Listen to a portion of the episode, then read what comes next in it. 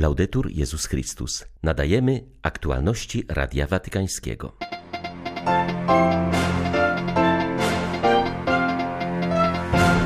Potrzebujemy gorliwych i ofiarnych kapłanów, aby ludzie mogli zobaczyć, że Bóg jest blisko nich, mówił papież na audiencji dla amerykańskich seminarzystów.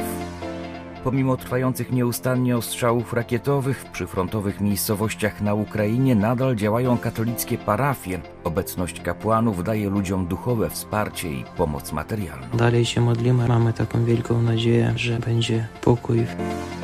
Młodzi, którzy oglądają pornografię dziecięcą, sami stają się pedofilami, ostrzega włoska seksuolog Giuliana Guadagnini. Dane policji potwierdzają, że w czasie lockdownu nastąpił radykalny wzrost takich przypadków. 6 marca wita Państwa Krzysztof Bronk. Zapraszam na serwis informacyjny. Kościół potrzebuje kapłańskiej ofiarności, aby ludzie widzieli, że Bóg jest zawsze z nimi, mówił papież do przyszłych kapłanów ze Stanów Zjednoczonych. Franciszek przyjął na audiencji wspólnotę Wyższego Seminarium Duchownego w Cleveland. W przemówieniu Franciszek odniósł się do trwającego obecnie procesu synodalnego. Zauważył, że to, co stanowi o istocie tego procesu, a zatem słuchanie, trwanie we wspólnocie i świadectwo, to postawy, które ważne są również dla przyszłych kapłanów. Najważniejsze jest jednak słuchanie Pana Boga. Słuchanie, zwłaszcza Pana. Wiemy, że sami nic nie możemy zrobić, bo jeśli Pan nie zbuduje domu, na próżno trudzą się budowniczowie. Ta świadomość wzywa nas, byśmy każdego dnia naszego życia robili miejsce dla Pana, byśmy rozważali Jego słowo, byśmy znajdowali światło na naszą drogę dzięki pomocy kierownika duchowego, a przede wszystkim byśmy spędzali z Nim czas na modlitwie, słuchając Go w ciszy przed tabernakulum. Nigdy nie zapominaj o tym, jak ważne jest stać przed Panem, aby słuchać tego, co On chce Ci powiedzieć. Jednocześnie słuchanie Pana polega także na odpowiadaniu z wiarą na to wszystko, co On objawił i co przekazuje Kościół, abyście mogli autentycznie i z radością nauczać i głosić innym prawdę i piękno Ewangelii. Papież zauważył, że dobry duszpasterz zawsze musi podążać ze swą owczarnią i nigdy się od niej nie oddzielać. W ten sposób staje się żywym znakiem obecności Jezusa w świecie. Niech lata spędzone w seminarium przygotują Was do całkowitego oddania się Bogu i Jego świętemu ludowi, w miłości przeżywanej w celibacie i z niepodzielnym sercem. Kościół potrzebuje Waszego entuzjazmu, potrzebuje Waszej ofiarności i gorliwości, aby pokazać wszystkim, że Bóg jest zawsze z nami, w każdej okoliczności życia. Modlę się, abyście w różnych formach apostolstwa wychowawczego i charytatywnego, w które już jesteście zaangażowani, byli zawsze znakiem Kościoła wychodzącego, świadczącego i dzielącego się miłosierną miłością Jezusa ze wszystkimi członkami rodziny ludzkiej, zwłaszcza z ubogimi i potrzebującymi.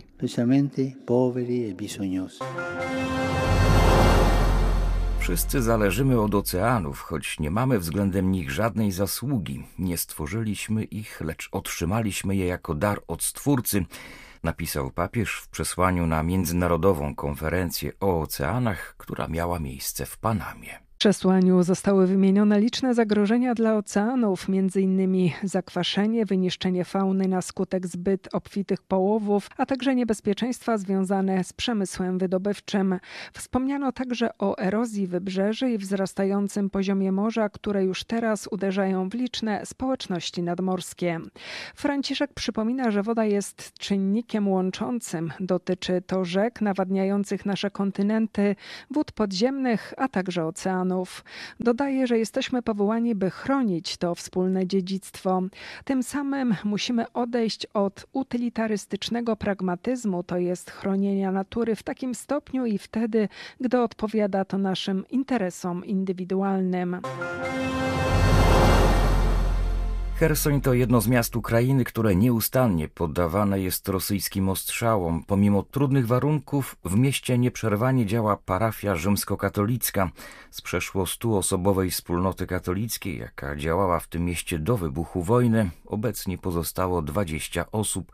Pozostał z nimi miejscowy proboszcz. Chersoń został wyzwolony przez wojska ukraińskie 11 listopada ubiegłego roku. Niestety bliskość pozycji rosyjskich sprawia, że miasto wciąż jest ostrzeliwane i niemożliwy jest powrót do normalnego funkcjonowania.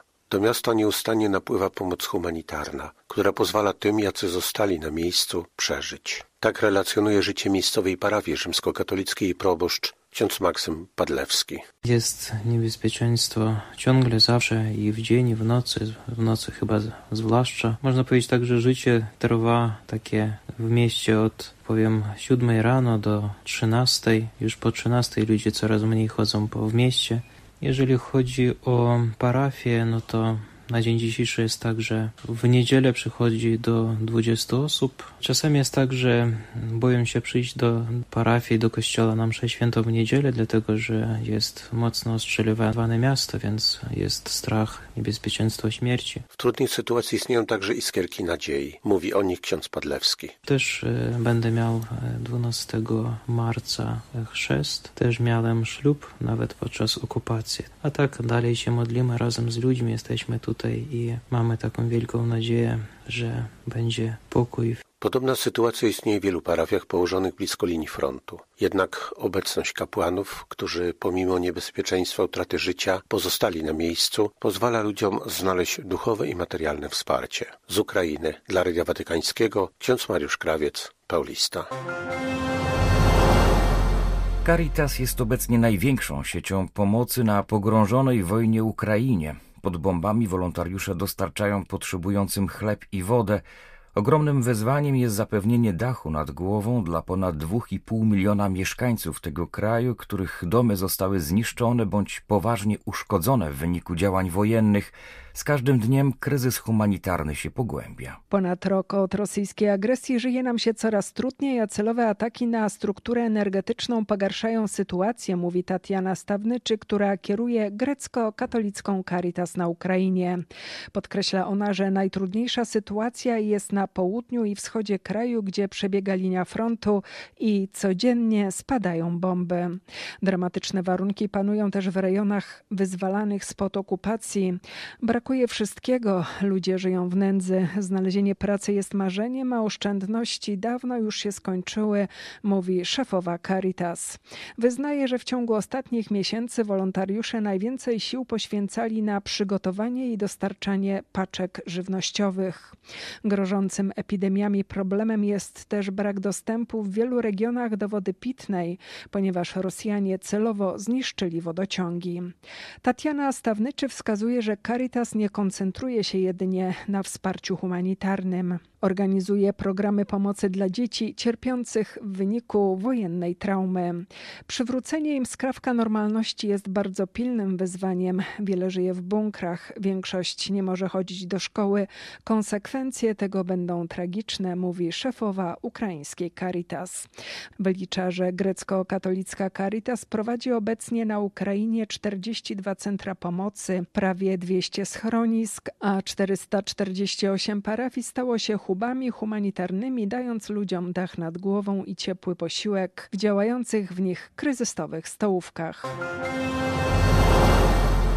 Nasila się prześladowanie wyznawców Chrystusa w Iranie. Nowy raport ujawnia, że w zeszłym roku doszło do 134 aresztowań z powodu wiary chrześcijańskiej to ponad dwa razy więcej niż w roku 2021. W raporcie czytamy, że spośród aresztowanych 30 osób zostało skazanych bądź na wygnanie, bądź na karę pozbawienia wolności.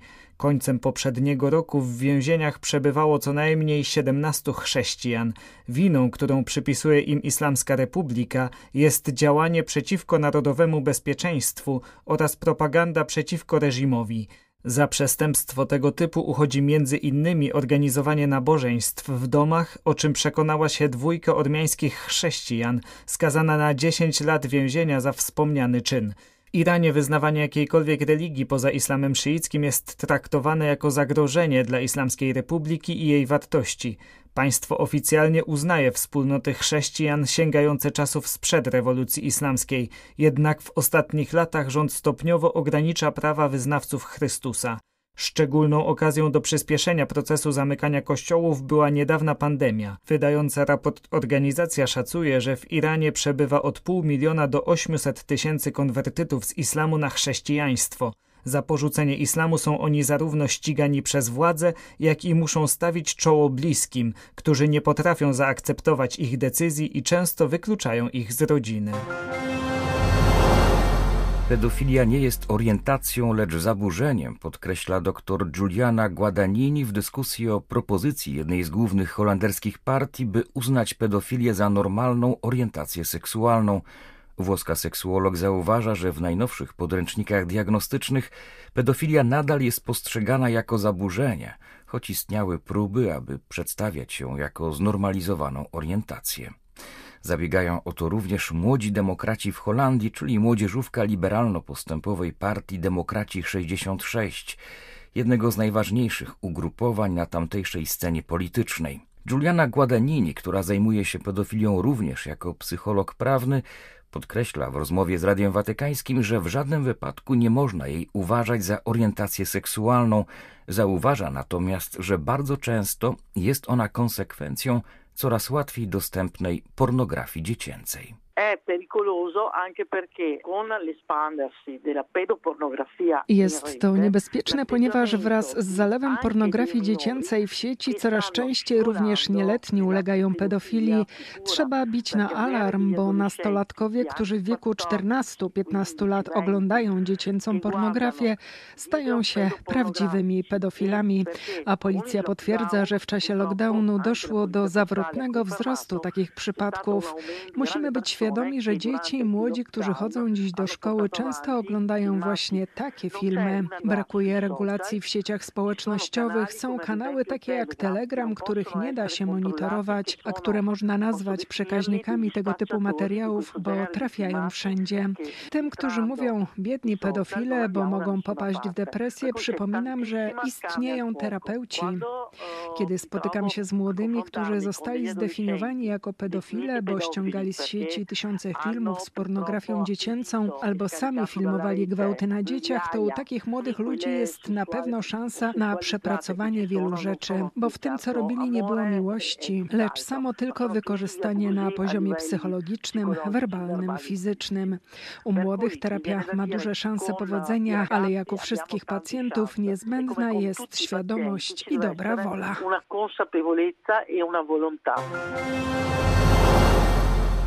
Wczoraj kilka tysięcy mieszkańców Kalabrii zebrało się na wspólnej drodze krzyżowej na plaży, gdzie wyłowiono przed tygodniem ciała 71 uchodźców. Szli za krzyżem sporządzonym z drewna pozostałego po rozbitej barce, w ciszy i skupieniu, modląc się za ofiary tragedii. Celebrację zakończyło złożenie na morzu wieńca przez księdza i imama. Chwilę wcześniej głos zabrał arcybiskup Angelo Pancetta. Ci siamo chiesti Idąc w tej drodze krzyżowej, zadawaliśmy sobie pytanie, czy jesteśmy jeszcze chrześcijanami. Jak to jest, że po dwóch tysiącach lat chodzenia za Jezusem, tak naprawdę nie nauczyliśmy się przyjmować siebie nawzajem? Coś nie działa w naszym życiu. Jeśli naprawdę przyjmujemy Pana Jezusa, musimy pozwolić, by nasze serca zostały zmienione i nie pozwolić, by strach uczynił nas zimnymi. Jeśli jesteśmy chrześcijanami, nie możemy być niegościnni. Musimy mieć otwarte serce jak Jezus i dlatego nie chcemy Europy z drutem kolczastym. Nie chcemy Europy, w której naprawdę trudno znaleźć jest przyjęcie. Dobrze wiemy z Ewangelii i naszej tradycji, że ubodzy są ciałem Jezusa. I dlatego patrząc na to morze, musimy się bić w piersi, wszyscy, bez wyjątku.